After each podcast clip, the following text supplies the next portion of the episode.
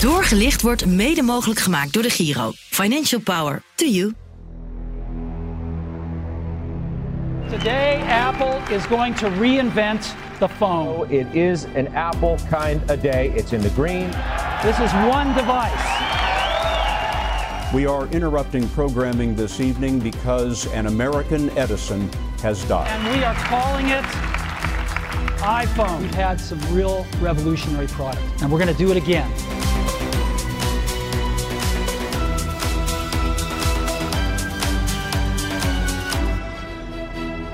Je kent het natuurlijk van uh, de iPhones, de iMacs, de AirPods. Ik heb het over één van de bekendste bedrijven ter wereld, Apple.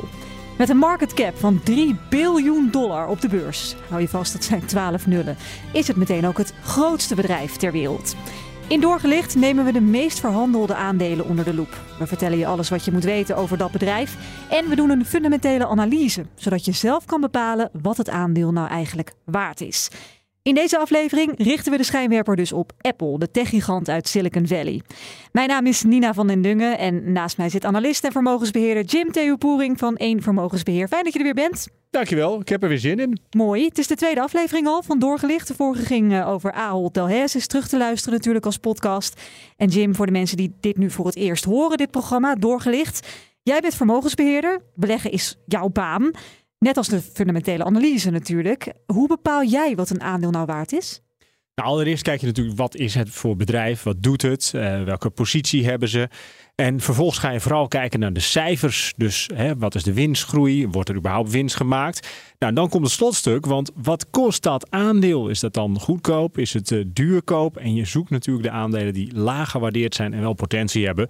Maar het is een hele uitdaging. Helaas geen exacte wetenschap. En we zitten er ook wel eens naast. Maar het doel is natuurlijk om zo vaak mogelijk goed te zitten. Ja, want Apple, ik zei al, het is het grootste bedrijf ter wereld. Het heeft een enorme marktwaarde van 3 biljoen dollar. Waar ga jij dan bij een bedrijf als Apple, eigenlijk bij het aandeel Apple, specifiek op letten? Nou, dat de aandelen zoveel waard zijn, dat heeft natuurlijk te maken met het feit dat het altijd zo hard gegroeid is. Dus een van de belangrijke factoren waar je als belegger bij Apple altijd naar kijkt, is hoe groeit de omzet en de winst? Ja, Belangrijk ook voor luisteraars om te weten, jij bent vermogensbeheerder, dit doe je voor je baan. Heb jij aandelen Apple in je portefeuille? Nou, dat is een uh, gek uh, antwoord dat ik daar moet geven. Want het antwoord is ja en nee. Uh, we hebben niet rechtstreeks aandelen Apple in portefeuille voor onze klanten. Maar wij beleggen in het aandeel Berkshire Hathaway, wel bekend van Warren Buffett. Mhm. En de grootste positie uit die portefeuille, dat is Apple. Ik dacht dat dat Coca-Cola was. Nou, dat is degene waar hij al heel lang in zit en die heel veel gebracht heeft. Maar Mhm. Apple is bij uh, uitstek de grootste positie binnen Berkshire Hathaway. Bijna 50 procent. Mhm. Dus met een positie in Berkshire Hathaway... die het overigens dank, dankzij Apple dus ook heel goed doet... beleg je eigenlijk indirect in aandelen Apple. Ja, dus uh, gaat aandeel Apple omlaag, dan gaat uh, Berkshire Hathaway omlaag... gaat uh, Jim Theo Boering omlaag. Ja, dat klopt. Maar Niet als laat mens, het maar... eh, aandeel Apple het nou uitstekend hebben gedaan... en daardoor is het ook een van de grootste aandelen eh, ter wereld... of grootste bedrijven ter wereld. Als je kijkt naar de marktwaarde, de market cap... Hè, al die Ja. aandelen bij elkaar. Ja, je noemt het al, 3000 miljard. Mhm. Eh, ik zei al, het is belangrijk om te weten dat jij aandelen Apple hebt. Want we willen natuurlijk wel een compleet onafhankelijk advies. Dus hoe weet ik dat jij niet zwaar bevooroordeeld bent op dit aandeel en het misschien wel mooier spiegelt, eh, voorspiegelt dan het is? Nou, het is natuurlijk uiteindelijk belangrijk dat je zelf de keuze maakt of je iets wil of niet wilt kopen. Dit is allemaal geen beleggingsadvies. En je moet ook zelf altijd goed kijken naar een eh, aandeel, naar het, eh, ja, je de cijfers, je huiswerk doen. En wat wij proberen te doen om de handvaten aan te reiken waarmee je kunt bepalen of het aandeel wel of niet bij je past. En ja, eigenlijk zeg je het al, ben ik helemaal objectief. Wij beleggen in Apple, dus wat dat er gaat, niet. Nee, aan de andere kant, je hoort ook wel eens dat mensen verliefd worden op een aandeel. En Apple is eigenlijk nou zo'n aandeel waar mensen ontzettend veel bij kunnen voelen. Heb jij dat ook of kun jij dat helemaal loskoppelen? Nou, dat moet je niet doen natuurlijk. Maar ik denk dat iedereen eh, wel een beetje een, zwa- een zwak heeft voor het merk Apple. Of juist niet, hè. Maar ja, wie heeft er niet een iPhone, een iMac? Ik. Of jij? Hup, Samsung. Oké, Ja. Samsung. Android. Ja, goed. ja, nou ja, dan komen we meteen op een punt eh, waar we straks uitgebreid gaan bespreken. Er zijn alternatieven en dat is natuurlijk wel iets wat aandeelhouders niet leuk gaan vinden als meer mensen zoals Nina van den Dungen overstappen van die mooie iPhone op de Samsung. Nog mooier, ik heb hem gewoon nooit gehad. Ik heb, no ik heb altijd een hekel gehad aan het Apple besturingssysteem. Maar dat is gewoon omdat ik niet de tijd heb genomen om het een keer echt te leren, denk ik.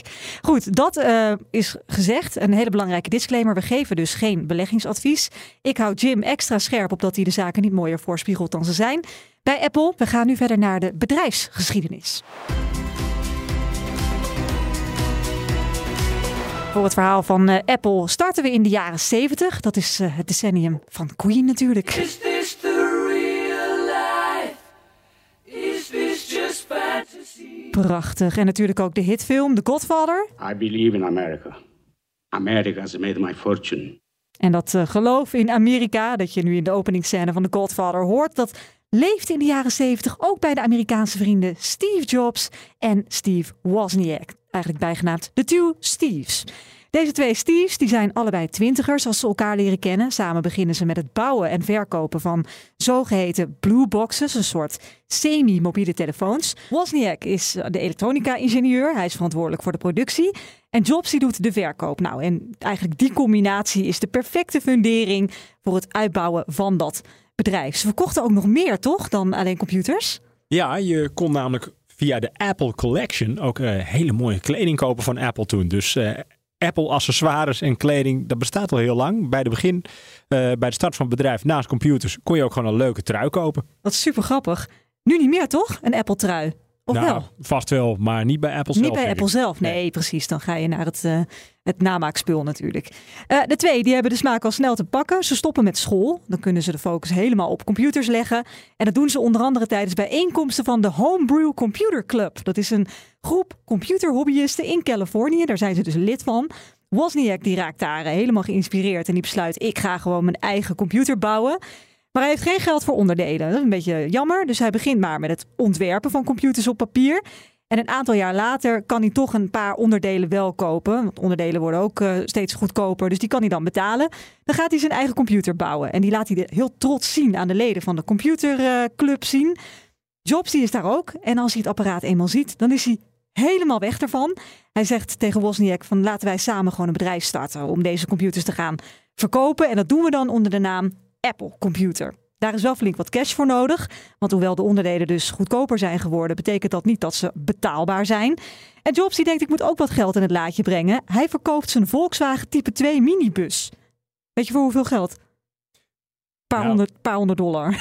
Kijk. En toen kon hij dus net een paar dingen kopen. Um, uh, een paar onderdelen die ze dan nodig hadden voor die Apple One.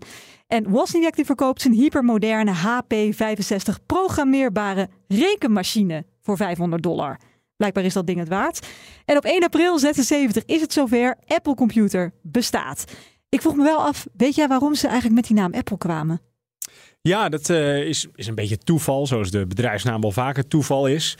Um, maar het was zo dat ze, uh, die, die Wozniak, die kwam uh, net terug van een of andere boerderij. Dus die zat al een beetje in, uh, in de groente en fruit, zullen we maar zeggen. Jobs die zat op een fruitdieet. En, en dat vind ik een hele aardige, met de naam Apple sta je bovenaan in het telefoonboek. Bij de A, nou, telefoonboeken, die hadden we nu toen natuurlijk ook nog. Dus zo geschiedde de naam Apple. Maar nu de vraag aan jou. Waarom mist er een hapje uit het appeltje in het logo? Um, weet ik niet. Nou, dat uh, symboliseert eigenlijk het hap, de hap die ooit werd genomen door Eva uit uh, een appel van de boom van kennis van goed en kwaad. Dus uh, ja, het is natuurlijk ook heel kenmerkend voor de, de, de, het logo zelf. Heel sterk, heel krachtig, maar heeft dus een bijbelse achtergrond. Interessant. Wat fijn dat jij dit soort heerlijke nutteloze feitjes allemaal weet. Ja, uh, sommige dingen kun je ook gewoon via Google vinden. Dat is waar, ja. dat is waar. Goed, het bedrijf heeft in 76 in totaal drie oprichters. Steve Jobs en Steve Wozniak natuurlijk. En ook Ronald Wayne. Die laatste, Ronald Wayne, die hebben Jobs en Wozniak eerder via een klus bij uh, games, bij videospellenbedrijf Atari ontmoet. Maar minder dan twee weken na de start denkt Wayne, nou, dit is het toch niet. Hij heeft er geen vertrouwen in. Dus het was een hele korte maar krachtige samenwerking met z'n drieën. Uh, en Wayne is er dan oud. Ondertussen bouwen de twee Steves in hun uh, uh, vrolijk verder in hun kelder. Of zaten ze op een zolder? Waarschijnlijk een zolder. En ze gingen hun eerste commerciële computer bouwen, de Apple One. Met het apparaat gaan de twee dus terug naar de computerclub om hem daar te showen. Een van de leden is onder de indruk en hij bestelt 50 exemplaren voor zijn computerwinkel. Nou, de twee Steves gaan meteen bouwen. Ze bouwen dag en nacht computer na computer. En uiteindelijk hebben ze 50 stuks. Nou, dan gaat de Apple One dus officieel in de verkoop bij dat computerbedrijf voor een heel mooi bedrag. 666 dollar en 66 cent. Zo. Waren ze nogal van de duivel?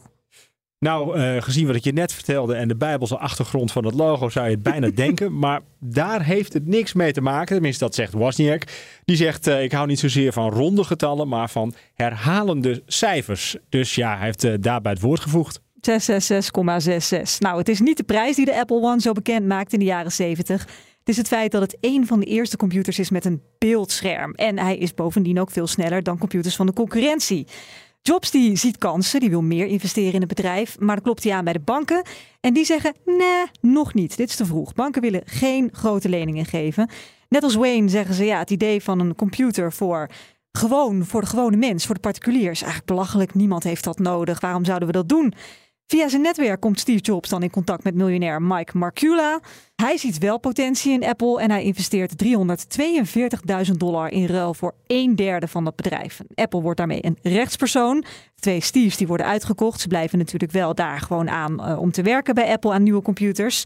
En daarmee bouwen ze ook vrolijk verder. In 77 debuteert de Apple II, de eerste computer ooit met spreadsheets. Nou, daardoor zien we dus inderdaad dat ze al gauw een plekje krijgen op kantoren. En drie jaar later wordt de Apple III gelanceerd.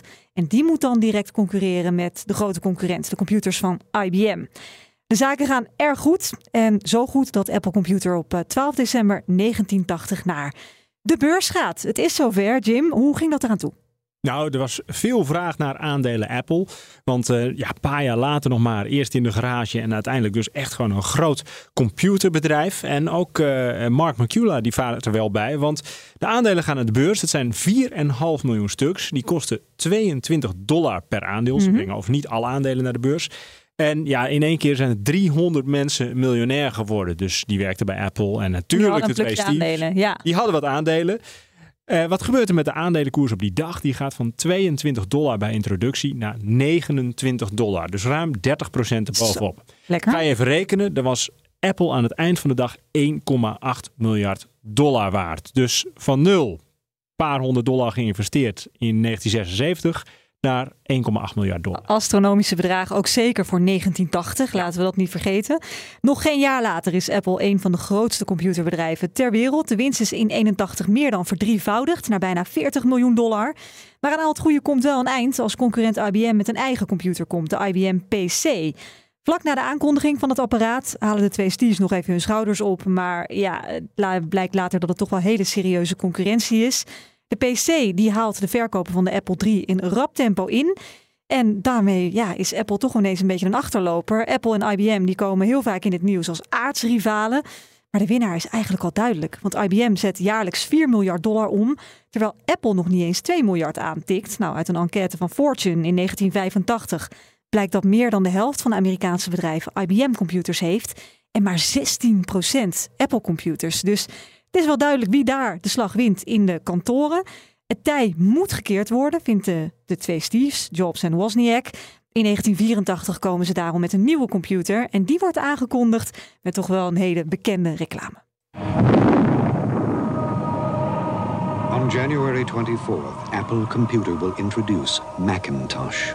And you'll see why 1984 won't be like 1984. Jobs is echt een verkoper, hè? Dat hij dit soort uh, skills allemaal heeft van hele vette reclames maken. Ja, en dat is natuurlijk ook wel een deel van het succes van Apple. Hè? Hoe die het presenteerde later ook. There's one more thing. En ja, dan kwam er weer iets. Zaten we met z'n allen op te wachten. Ja, ja dat klopt. In één uh, nationale uitzending tijdens het reclameblok van de Super Bowl kondigt Apple dus de Macintosh aan.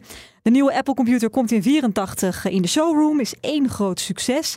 Maar het blijkt nog niet genoeg om eh, de IBM-PC te verslaan. Het komt in 1985 eh, tot een ruzie tussen Steve Jobs en de Apple-CEO John Scully. Scully wil de focus leggen op de Apple II-computer. een computertype waar IBM toch eigenlijk weinig mee concurreerde. Maar Jobs zegt nee, we moeten inzetten op die Macintosh om IBM uit de markt te drijven. Nou, Steve Wozniak ondertussen, die raakt nogal gefrustreerd om al dit geharrewar. Hij verlaat Apple, blijft natuurlijk wel vrienden met het bestuur. En de ruzie tussen Jobs en Scully die bereikt juist een hoogtepunt als Jobs een uh, mislukte koep bij het bestuur poogt. Hij neemt daarop ontslag. Hij verkoopt uit protest op één aandeel na al zijn Apple-aandelen en Jobs begint vervolgens zijn eigen computerbedrijf Next Inc. Nou, Jobs is dus weg. Apple die gaat flink reorganiseren. Mede daardoor wordt de Macintosh alsnog een succes. Maar weer blijft de PC van IBM domineren, doordat uh, het apparaat werkt met het nieuwe, betere besturingssysteem van Microsoft. Windows, wat iedereen natuurlijk wel kent. En ja, die zijn toch wel een beetje beter dan de computers en de besturingssystemen, vooral van Apple. Om tegenwicht te bieden komt Apple met een nieuwe Macintosh-model, maar die floppen uiteindelijk toch wel doordat ze weinig verbetering laten zien. In de jaren 90 kampte Apple met grote verliezen, mislukte projecten en zelfs een bijna faillissement. De Windows-computers die zijn gewoon goedkoper en sneller. En uit wanhoop start Apple rechtszaken tegen Microsoft, maar die leiden allemaal tot teleurstelling. Want Apple richt zich tot andere concurrenten om een alliantie tegen Microsoft te vormen. Maar ja, dat helpt ook niet. Heel even lijkt het verhaal van Apple daar te eindigen. In 96 leidt het bedrijf bijna een miljard dollar verlies. En in de laatste weken van het jaar is het bijna failliet. Maar in de laatste weken waagt het bedrijf de grootste gok ooit. Wat gaan ze doen? Voor 429 miljoen dollar en anderhalf miljoen Apple-aandelen koopt Apple bedrijf van Steve Jobs. Next. Ja, Next Inc. Het software- en computerbedrijf. En door die zet komt Steve Jobs dus terug bij Apple. En de software van zijn bedrijf Next vormt dan de basis voor het verbeterde besturingssysteem van de Apple computers. Nou, daarmee gaat het gelijk een stuk beter. Jobs die gaat ook flink uh, uh, ingrijpen in het bedrijf. In één klap schrapt hij 70% van alle Apple-producten. Maar om Apple definitief te redden moet er toch wel meer gebeuren. In 97 op de Mac World Expo kondigt Jobs een deal aan met Microsoft. Goed voor 150 miljoen dollar. In ruil voor die investering worden alle Macintosh-computers standaard geleverd met Microsoft Office. En dus ook met Internet Explorer, wat iedereen toen gebruikte. De webbrowser van Microsoft. Maar steun van fans, dat krijgt die deal toch niet. Apple has decided to make Internet Explorer its default browser on the Macintosh. Deed pijn bij de Apple-fans. Toch komt Jobs wel met een uh, goed tegenargument. And if we want to move forward and see Apple healthy and prospering again, we have to let go of a few things here. We have to let go of this notion that for Apple to win, Microsoft has to lose. Nou, op zich wel goed uitgelegd, toch? Ja, maar uiteindelijk uh, denk ik dat ze het uh, samen heel goed hebben gedaan.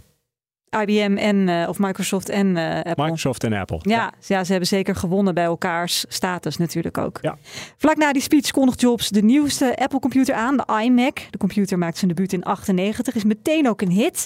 Apple herstelt snel en in 2001 neemt Jobs de volgende stap die echt voor de comeback van Apple zorgt met deze reclame. iPod, a thousand songs in your pocket. Welke kleur had jij? De zwarte. Saai. Ja, maar goed. Ik ben ook een beetje saai. Ik had ook nog de Classic, maar die had jij denk ik ook. Want dat was het eerste modelletje. Ja, dat klopt. Ja. ja. En toen kwamen al die kleuren. Toen heb ik roze en groen gehad. Nou, ik bleef bij zwart, maar ik ben wel overgestapt op de Nano. Dat was echt fantastisch. Oh ja. Die was heel klein. En Mhm. inderdaad een paar duizend nummers op. Ik weet nog dat mijn dochter hem laatst eh, zag. Die zei van, goh, wat is dit joh? Dit, eh, die, die snapte er niks van. Dat was gewoon heel ouderwets in haar optiek. Ja. Ik had nog nooit zoiets gezien. Ja, terwijl voor ons was het revolutionair. Ja. De iPod inderdaad strak ontworpen muziekspelers. Ze vlogen als warme broodjes over de toonbank. En twee jaar later kwam Jobs met iTunes, de digitale muziekwinkel. Betaalde je 99 cent voor een liedje. En die zet blijkt een enorm succes. Dat is heel goed terug te zien in de winstcijfers. In 2003 boekt Apple een winst van 57 miljoen dollar. En rond 2006 is die uitgegroeid tot bijna 2 miljard. Wat zien we in die tijd in het aandeel gebeuren, Jim? Nou, dat eh, gaat fantastisch. Hè? Was het bedrijf nog bijna failliet in de jaren 90. 2003, kort na de lancering van die iPod. Toen stond dat aandeel 6 dollar. Mhm. Keek je een paar jaar later, 2007, weer naar hetzelfde aandeel. Een factor 20. De koers is gestegen van 6 naar 120 dollar. En dan zie je eigenlijk ook voor het eerst wat echt wel de revolutionaire blik en de visie van Steve Jobs voor het bedrijf bracht. Ja, nou vanaf daar gaat het Apple-verhaal alleen nog maar over groei en groei en groei. Een aantal gebeurtenissen zijn wel heel bijzonder die we er even uit gaan lichten. Om te beginnen bij deze in 2007. This is one device. And we are calling it iPhone. Today, today Apple is going to reinvent the phone. Daar heeft hij geen woord van gelogen. Dat kan je wel stellen, want uh, ja, het was de eerste telefoon waarmee je ook het internet op kon en dus kon bellen. En de touchscreen, dat was nog geen enkele partij die dat aanbood. Het was, revolutionair dat je iets kon inzoomen, uitzoomen en tappen op je screen om iets te activeren. Dus ja, het is echt wel heel erg baanbrekend geweest binnen de, de telecomindustrie. Ja, en daarmee kwam natuurlijk ook langzaam de applicaties in zicht, de apps. In datzelfde jaar vindt inderdaad die gebeurtenis plaats, het debuut van de Apple App Store. Bedoeld om apps van derde partijen te verkopen op de iPhone. En daarmee wint Apple dagelijks ineens ongeveer 1 miljoen eh, dollar extra. Het een en al succes. Zelfs na de financiële crisis van 2008 ging het gewoon alleen maar hartstikke goed. Sterker nog, het eerste kwartaal van 2009 werd het beste kwartaal ooit voor Apple. Een omzet van ruim 8 miljard dollar en een winst van meer dan 1 miljard in één kwartaal dus. Een jaar later stijgt de market cap van Apple zelfs boven die van Microsoft. Nou, dat ze toch wel even met champagne hebben gevierd na al dat leed in het verleden met Microsoft. In januari 2011 is het eh, ineens afgelopen met het feest. Het gaat heel goed natuurlijk wel met Apple. Maar het gaat niet goed met CEO Steve Jobs. Hij is ziek. Hij kondigde verlof aan voor onbepaalde tijd om zich te focussen op zijn gezondheid. Hij stopt dus ook als CEO. Maar hij blijft natuurlijk wel op de achtergrond betrokken bij Apple als eh, chairman. Later dat jaar gaat het dan toch echt mis. This is a CBS News special report. I'm Scott Pelley in London. We are interrupting programming this evening because an American Edison has died. Steve Jobs, the chairman of the board of Apple Computer Company, passed away a short time ago. Steve Jobs, hij overlijdt aan alvleesklierkanker. Deed dat iets met het aandeel, dat bericht? Jazeker. Uh, de koers die verloor die dag 5% uh, van zijn waarde. Dus Apple-beleggers die werden ook uh, getroffen.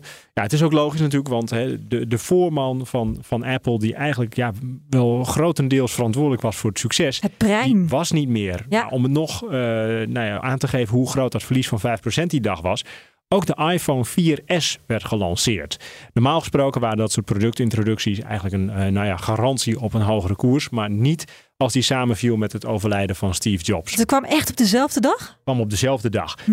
Daarbij moet wel gezegd worden van ja, je noemde net al, hij deed een stapje terug als CEO.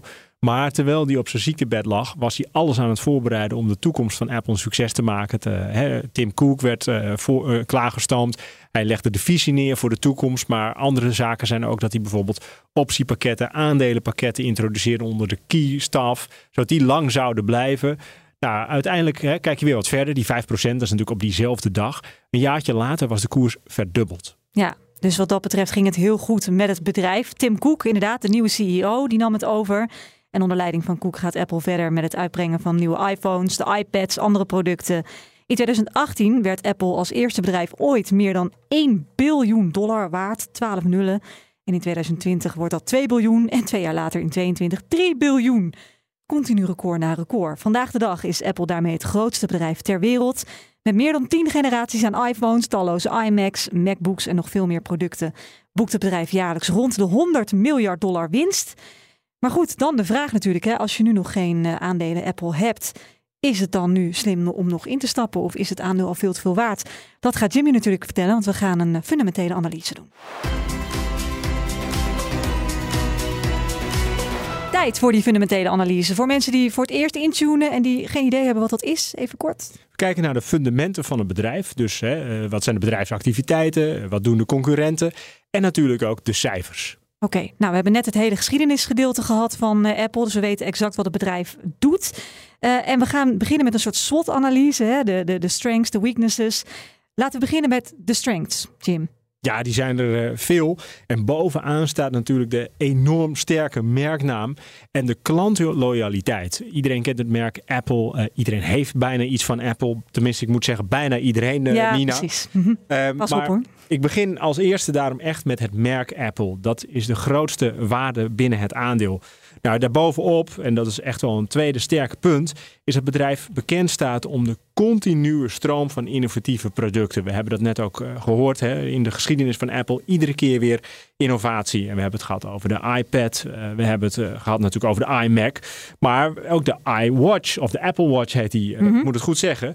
Nou, die creëren iedere keer nieuwe markten, nieuwe afzetmogelijkheden. Dus de innovatiekracht en innovatiedrang van Apple, dat zijn sterke punten. Ja. Nou, derde punt, dat heb je ook al even kort aangestipt. dat is uh, de App Store, de afhankelijkheid ook van uh, andere bedrijven. Om wel echt een app te moeten hebben om iets een succes te laten worden. Ja, die ze in de App Store zetten.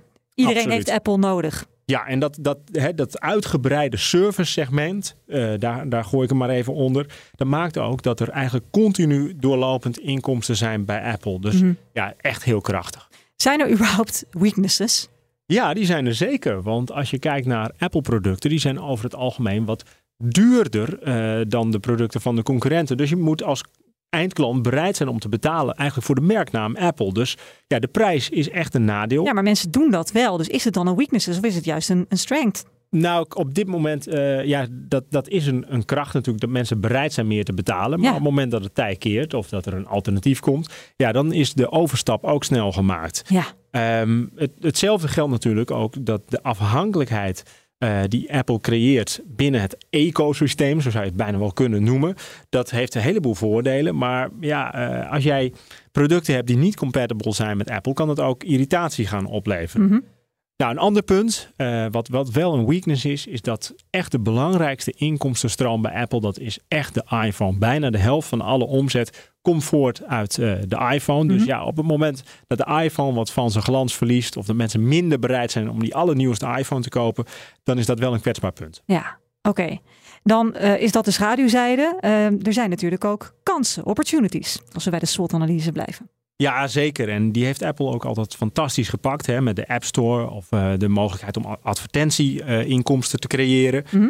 Ehm, maar ja, eh, op zich is het natuurlijk een grote kans voor Apple. Is dat ze een heleboel nieuwe markten zouden kunnen betreden met hun sterke marktnaam. Dus je zou misschien wel kunnen zeggen van ze kunnen in finance gaan. Maar ook als je het hebt over eh, eh, AI of AR. Dat zijn technologieën die mogelijkheden bieden voor Apple naar de toekomst toe. Dus dat soort ontwikkelingen, ja, daar is Apple een van de eerste die daarop kan inspelen. En ze hebben ook hele grote R&D budgetten. Dus de budgetten zijn daar om verder te werken aan innovatie en uiteindelijk op nieuwe kansen in te spelen. Ja, nou met zoveel kapitaal, reputatie en kennis kan je natuurlijk als bedrijf eigenlijk wel gewoon binnenkomen. Hè? Dat zag je ook met die VR-bril eh, bril die ze laatst lieten zien, hè? de Vision Pro. Maar goed, eh, kansen, er zullen ook threats, bedreigingen zijn. Ja, zeker. En daar Concurrentie. hebben we ook wel de afgelopen tijd veel mee te maken gehad. Eh, nou ja, de, de concurrentie is een bedreiging, maar als je eh, kijkt naar andere bedreigingen, dan komen die uit een hoek die je misschien niet zozeer verwacht. Maar dat heeft alles te maken met regelgeving en privacy. Apple die heeft recentelijk nog eh, boetes moeten betalen. Eh, er zijn landen die toch echt wel vinden dat Apple te ver gaat eh, in het eh, schenden van privacyrechten. Dus ze worden echt vaak geconfronteerd met regelgeving en privacy kwesties in verschillende landen. En ja, de manier waarop het bedrijf zaken doet, wordt door sommigen wel als onethisch gezien vanuit dat perspectief. Dus je denkt, een bedreiging is serieus dat overheden steeds meer, hè, een beetje wat je ziet in China, dat ze producten of in elk geval diensten tegen gaan houden of aan banden gaan leggen, eisen van Apple dat ze dingen aanpassen. Dat. Ja, klopt inderdaad. En nou noem je China. Dat is een tweede bedreiging. Want eh, ja, China vindt natuurlijk de concurrentiepositie of de positie van Apple in zijn algemeenheid niet zo heel erg fijn. Eh, en Apple heeft de laatste tijd ook wel wat problemen gehad met eh, supply chain issues. Mhm. Eh, en sancties vanuit eh, China richting Amerika en andersom. En ja, Apple is wel de eerste die daaronder leidt. Nou, daar, leidt, daar borduren ze ook wel een beetje op voort. Of daar sorteren ze op voort, moet ik zeggen. Dat Mhm. ze dus een deel van de productie vanuit China verplaatsen naar India. Dus Ah. ja, eigenlijk de spanningen tussen China en Amerika, dat is een bedreiging voor Apple. Ja, want worden inderdaad echt heel veel van de producten, Apple-producten, gewoon nog steeds in China gemaakt? Of hebben ze in elk geval heel veel, eh, ehm, ehm, heel veel nodig uit China? Ja, absoluut. Ik denk dat iedereen, eh, nou, of anders laat ik het zo zeggen, je zou eens moeten kijken op eh, YouTube of op Google, daar de Apple Factories in China. Dan zie je inderdaad tienduizenden Chinezen die 's ochtends in een rijtje de fabriek inlopen, onder nou ja, twijfelachtige omstandigheden soms moeten werken, om maar zo goedkoop mogelijk die dure iPhone te produceren. Ja, dus dat is een serieuze bedreiging. Ook als steeds meer mensen daar iets van gaan vinden. Dus potentiële kopers, Precies. liefhebbers van het merk. Ja, nou dat klinkt nu natuurlijk wel alsof er heel veel bedreigingen zijn. Ik denk dat buiten kijf staat dat vooral de sterke merknaam en de fantastische product range. Ja, eh, en die innovatiekracht. Ja. Ja. precies. Ja. Oké, dus dit zijn eigenlijk de kwaliteiten. Wij doen dus de kwalitatieve analyse. Die doen we altijd aan de hand van de SWOT-analyse. Die hebben we net gedaan. kwantiteit, dus de cijfers, zijn ook heel erg belangrijk. Um, hoe zit het met de cijfers van Apple? Waar moeten we allemaal specifiek naar kijken? Nou, met de cijfers zit het zeer goed. Getuigen ook de aandelenkoers. Ik noemde het al, die, die, die aandelen van 22 dollar in 1980. Als je die nu nog zou hebben in diezelfde vorm, waren ze bijna 45.000 dollar waard. Wat is een aandeel Apple nu ongeveer waard? We nemen dit op Ehm, eind nou, augustus 2023. Kleine 200 dollar. Kleine Ja, 200 er dollar. zijn een aantal stocksplits geweest. Dat, eh, dat, dat doen bedrijven vaker. Want hè, stel dat zo'n aandeel nog 45.000 dollar zou kosten nu. Ja, dan zouden heel veel particulieren in elk geval Niet zeggen, ja, kunnen stappen. Dat is mij te veel. Ik heb dat misschien überhaupt niet eens. En eh, ja, dan kan je ook bijna geen spreiding in beleggingsportefeuille aanbrengen. Heel belangrijk. Dus Ja. Apple heeft om die reden met name de afgelopen jaren een aantal keer een stocksplit doorgevoerd. Nou, wat gebeurt er dan? Zo'n aandeel staat 1000 eh, dollar bijvoorbeeld. Dan zegt Apple, dan wordt dus besloten om het aandeel te splitsen. Het is een keer door tweeën gegaan, nog een keer door tweeën, nog een keer door tweeën, ook een keer door vieren, een keer Mhm. door zeven. Dus je moet je voorstellen, gaat het aandeel eh, door twee, dan heb je één aandeel van 1000 en morgen twee van 500. Ja. Zodat het weer wat betaalbaarder is. Precies, dus dan kunnen mensen makkelijker instappen. Het is bijvoorbeeld een stuk goedkoper, hè, nu een aandeel Apple, dan een aandeel ASML. Ja, dus er gaan ook wel eh, vaker stemmen op dat ASML misschien ook zijn aandelen zou moeten splitsen. Misschien wel meteen door vier, zodat je voor 150 euro een aandeel ASML kunt kopen. Nou, eh, even terug naar die cijfers. Waarom doet dat aandeel het zo goed? Dat heeft er met name mee te maken dat de omzet fantastisch is gegroeid. Tot, eh, tot zo'n 400 miljard dollar. Mhm. Nou, de omzetgroei, dat is ook een van de zaken waar we altijd eh, eh, goed naar kijken. En de omzetgroei is in de afgelopen jaren heel mooi, heel solide geweest. Nou, vanaf dit punt zie je wel een beetje dat het nu wat lastiger gaat gebeuren. Dus het is ook echt wel weer tijd voor nieuwe producten of productinnovaties. En wat bij Apple heel fijn is, als je het hebt over de cijfers, dat ja, van die eh, dollars die er verdiend worden, die miljarden dollar, 400 miljard omzet, dat daar een groot deel winst overblijft. Mm. Eh, die winstgevendheid die ligt ongeveer rond de 100 miljard op dit moment. Mhm. Dus ze hebben een hele mooie groei laten zien. En een redelijk stabiele marge van eh 25 tot 30 procent. Ja. Maar je zegt wel dat het nu dus een beetje stagneert, die omzetgroei. Ze zijn toch volgens mij vrij recent, zeg ik als niet-kenner, maar met een, een nieuwe iPhone gekomen. Ja, dat eh, is voor mij de iPhone 14 geweest. Ehm, en ja, op een gegeven moment krijg je natuurlijk een beetje het probleem dat je wel weer je, eh, de, je klant zover moet krijgen dat hij ook weer het nieuwste product wil hebben. Nou, wanneer wil hij dat? Als er weer nieuwe eh, innovaties zijn die het product nog beter maken, waardoor je zegt, ja, die moet ik echt hebben. Mhm. Dus zo'n iPhone wordt er natuurlijk ook wel eens van gezegd dat eh, met, de, met de tijd gewoon achteruit gaat en meer achteruit gaat dan technologisch nodig zou zijn. Maar dat maakt wel dat de, eh, ja, de, de iPhone-afhankelijke consument sneller overgaat tot het kopen van een, eh, een nieuwe iPhone. Ja. Nou, dat is altijd wel erg goed gegaan. Dat zie je ook terug als je kijkt naar de winst per aandeel. Eh, die loopt iedere keer zo'n 10% op. Nou, op dit moment is dat eh 6,5, 7 dollar per aandeel wat er verdiend wordt bij Apple. Nou, dan kom je wel op een puntje. Want als je kijkt naar aandelen Apple, er wordt heel veel geld verdiend. De omzet die groeit mooi. Als je uitgaat van 6, 7 dollar per aandeel winst, en je noemde het net al, een koers van een kleine 200, dan betaal je dus 30 keer de winst voor aandelen Apple. Hmm. Nou, dat is een, als je het in de markt vergelijkt, een behoorlijke prijs. Ja. Nou, er is een heleboel voor te zeggen dat dat zo is, want dat is natuurlijk een sterke merknaam. Het bedrijf groeit, er staat 50 miljard ook op de bank. Ze geven heel veel geld terug aan aandelen, aandeelhouders. Niet in de vorm van dividend, maar wel door bijvoorbeeld aandelen terug te kopen. Want ja, ook dat dividend, dat is nog geen dollar. Er komt elk jaar ongeveer 5 cent bij. Ja. Dus ja, je krijgt een half procent dividendrendement. Dus voor dat dividend hoef je het eigenlijk niet te doen. Nee, want jij, wat vond jij ook alweer een redelijke dividenduitkering op een aandeel? Nou, ik vind dat, een, dat, dat als jij minimaal of naar een procent of drie en liever nog wat hoger, dat is bij een wat stabielere onderneming eh, een heel fijn eh, percentage Ja. om terug te krijgen En dit, is toch, een- ja, en dit is toch gewoon een hele stabiele onderneming. Waarom zitten zij dan zo laag? Ja, kijk, dan hou je je geld over voor eventuele investering. Wat wel zo is, en dat is eigenlijk een verkapte vorm van eh, dividend, het geld teruggeven aan de aandeelhouders. Dat kun je ook doen door aandelen terug te kopen uit de markt. Dus Ja. er komen steeds minder aandelen, wordt dezelfde winst verdeeld over minder aandelen. Dat is weer gunstig voor de koersontwikkeling. Dus indirect krijgen die aandeelhouders wel degelijk eh, een, een, een deel van hun eh, ja, investering weer terug. Ja. En dan hebben we het nog niet gehad over de schulden, denk ik.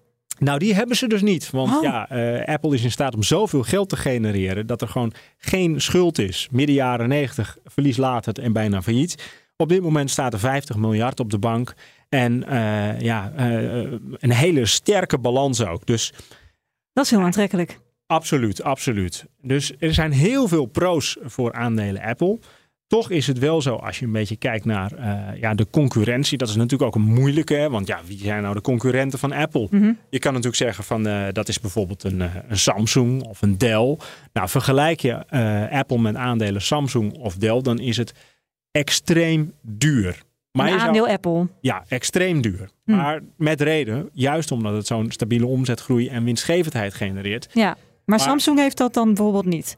Nee, alleen bij Samsung, ja, die maken die telefoons. Nou, die heb jij dan waarschijnlijk. Maar maken veel meer producten. Dus Ja. de verkoop van telefoons, eh, wat echt het belangrijkste onderdeel is bij Apple, dat is bij Samsung maar een klein deel. Je zou kunnen zeggen, ja, maar ik vind, zo- ik vind Apple veel meer een tech-onderneming. Dus ik ga het vergelijken met een Microsoft of een Google.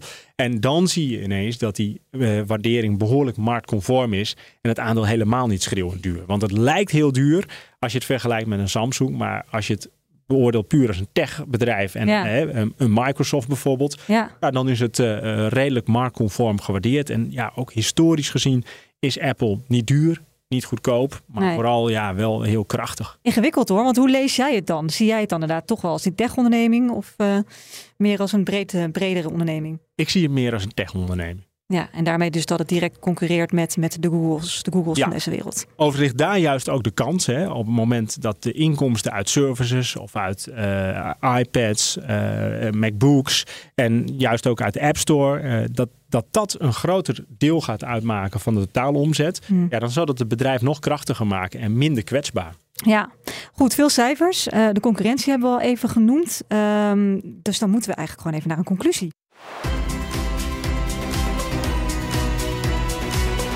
Een oordeel gaan we vellen zonder dat wij beleggingsadvies geven. Dat noemen we nog maar even. Hoe vat jij een aandeel Apple nou samen? Nou, Apple heeft beleggers altijd veel geleverd. Ehm, dat zie je aan de koers, maar dat zie je ook aan de omzet, de almaar verbeterende winstgevendheid. Dus beleggers zijn ja, eigenlijk niet teleurgesteld in de afgelopen 20 jaar door Apple. Ik denk dan ook dat als je eh, een, wil beleggen in tech, dat Apple daar een heel geschikt aandeel voor is. Als je zegt van ja, ik wil echt een waardeaandeel kopen, ja, dan is Apple misschien niet het aandeel waar je moet zijn, want je krijgt maar beperkt dividend. Ja, en het is al heel duur. 25, 30 keer de winst is geen koopje. Dus voor een techbelegger kan je bijna niet om Apple heen. Maar iemand die zegt van ja, ik ben een echte value belegger, ja, die laat Apple misschien wat eerder liggen. Dit was eh, Apple doorgelicht. Veel dank voor het luisteren. In eh, de volgende aflevering gaan wij de schijnwerper richten op ABN AMRO. Prachtig Nederlands bedrijf, maar goed, totaal internationaal geworden natuurlijk. Je kent het motto van de bank misschien wel, een wereld te winnen. Maar wat is er eigenlijk te winnen als je naar het aandeel kijkt, Jim? We gaan de fundamentals doorlichten? Ja, en eh, ook het verhaal achter ABN AMRO. Want het is eh, nou ja, glansrijk, maar ook wel met grote dieptepunten. Een quite alright is het. Eh, dank voor het luisteren naar deze aflevering. Abonneer je vooral in je favoriete podcast-app als je de fundamentele analyse van nog veel meer bedrijven wilt horen de komende maanden. Elke week nemen Jim en ik een van de meest verhandelde aandelen onder de loep. Mijn naam is Nina van den Dungen. En ik ben Jim Terpoeren. Tot volgende week.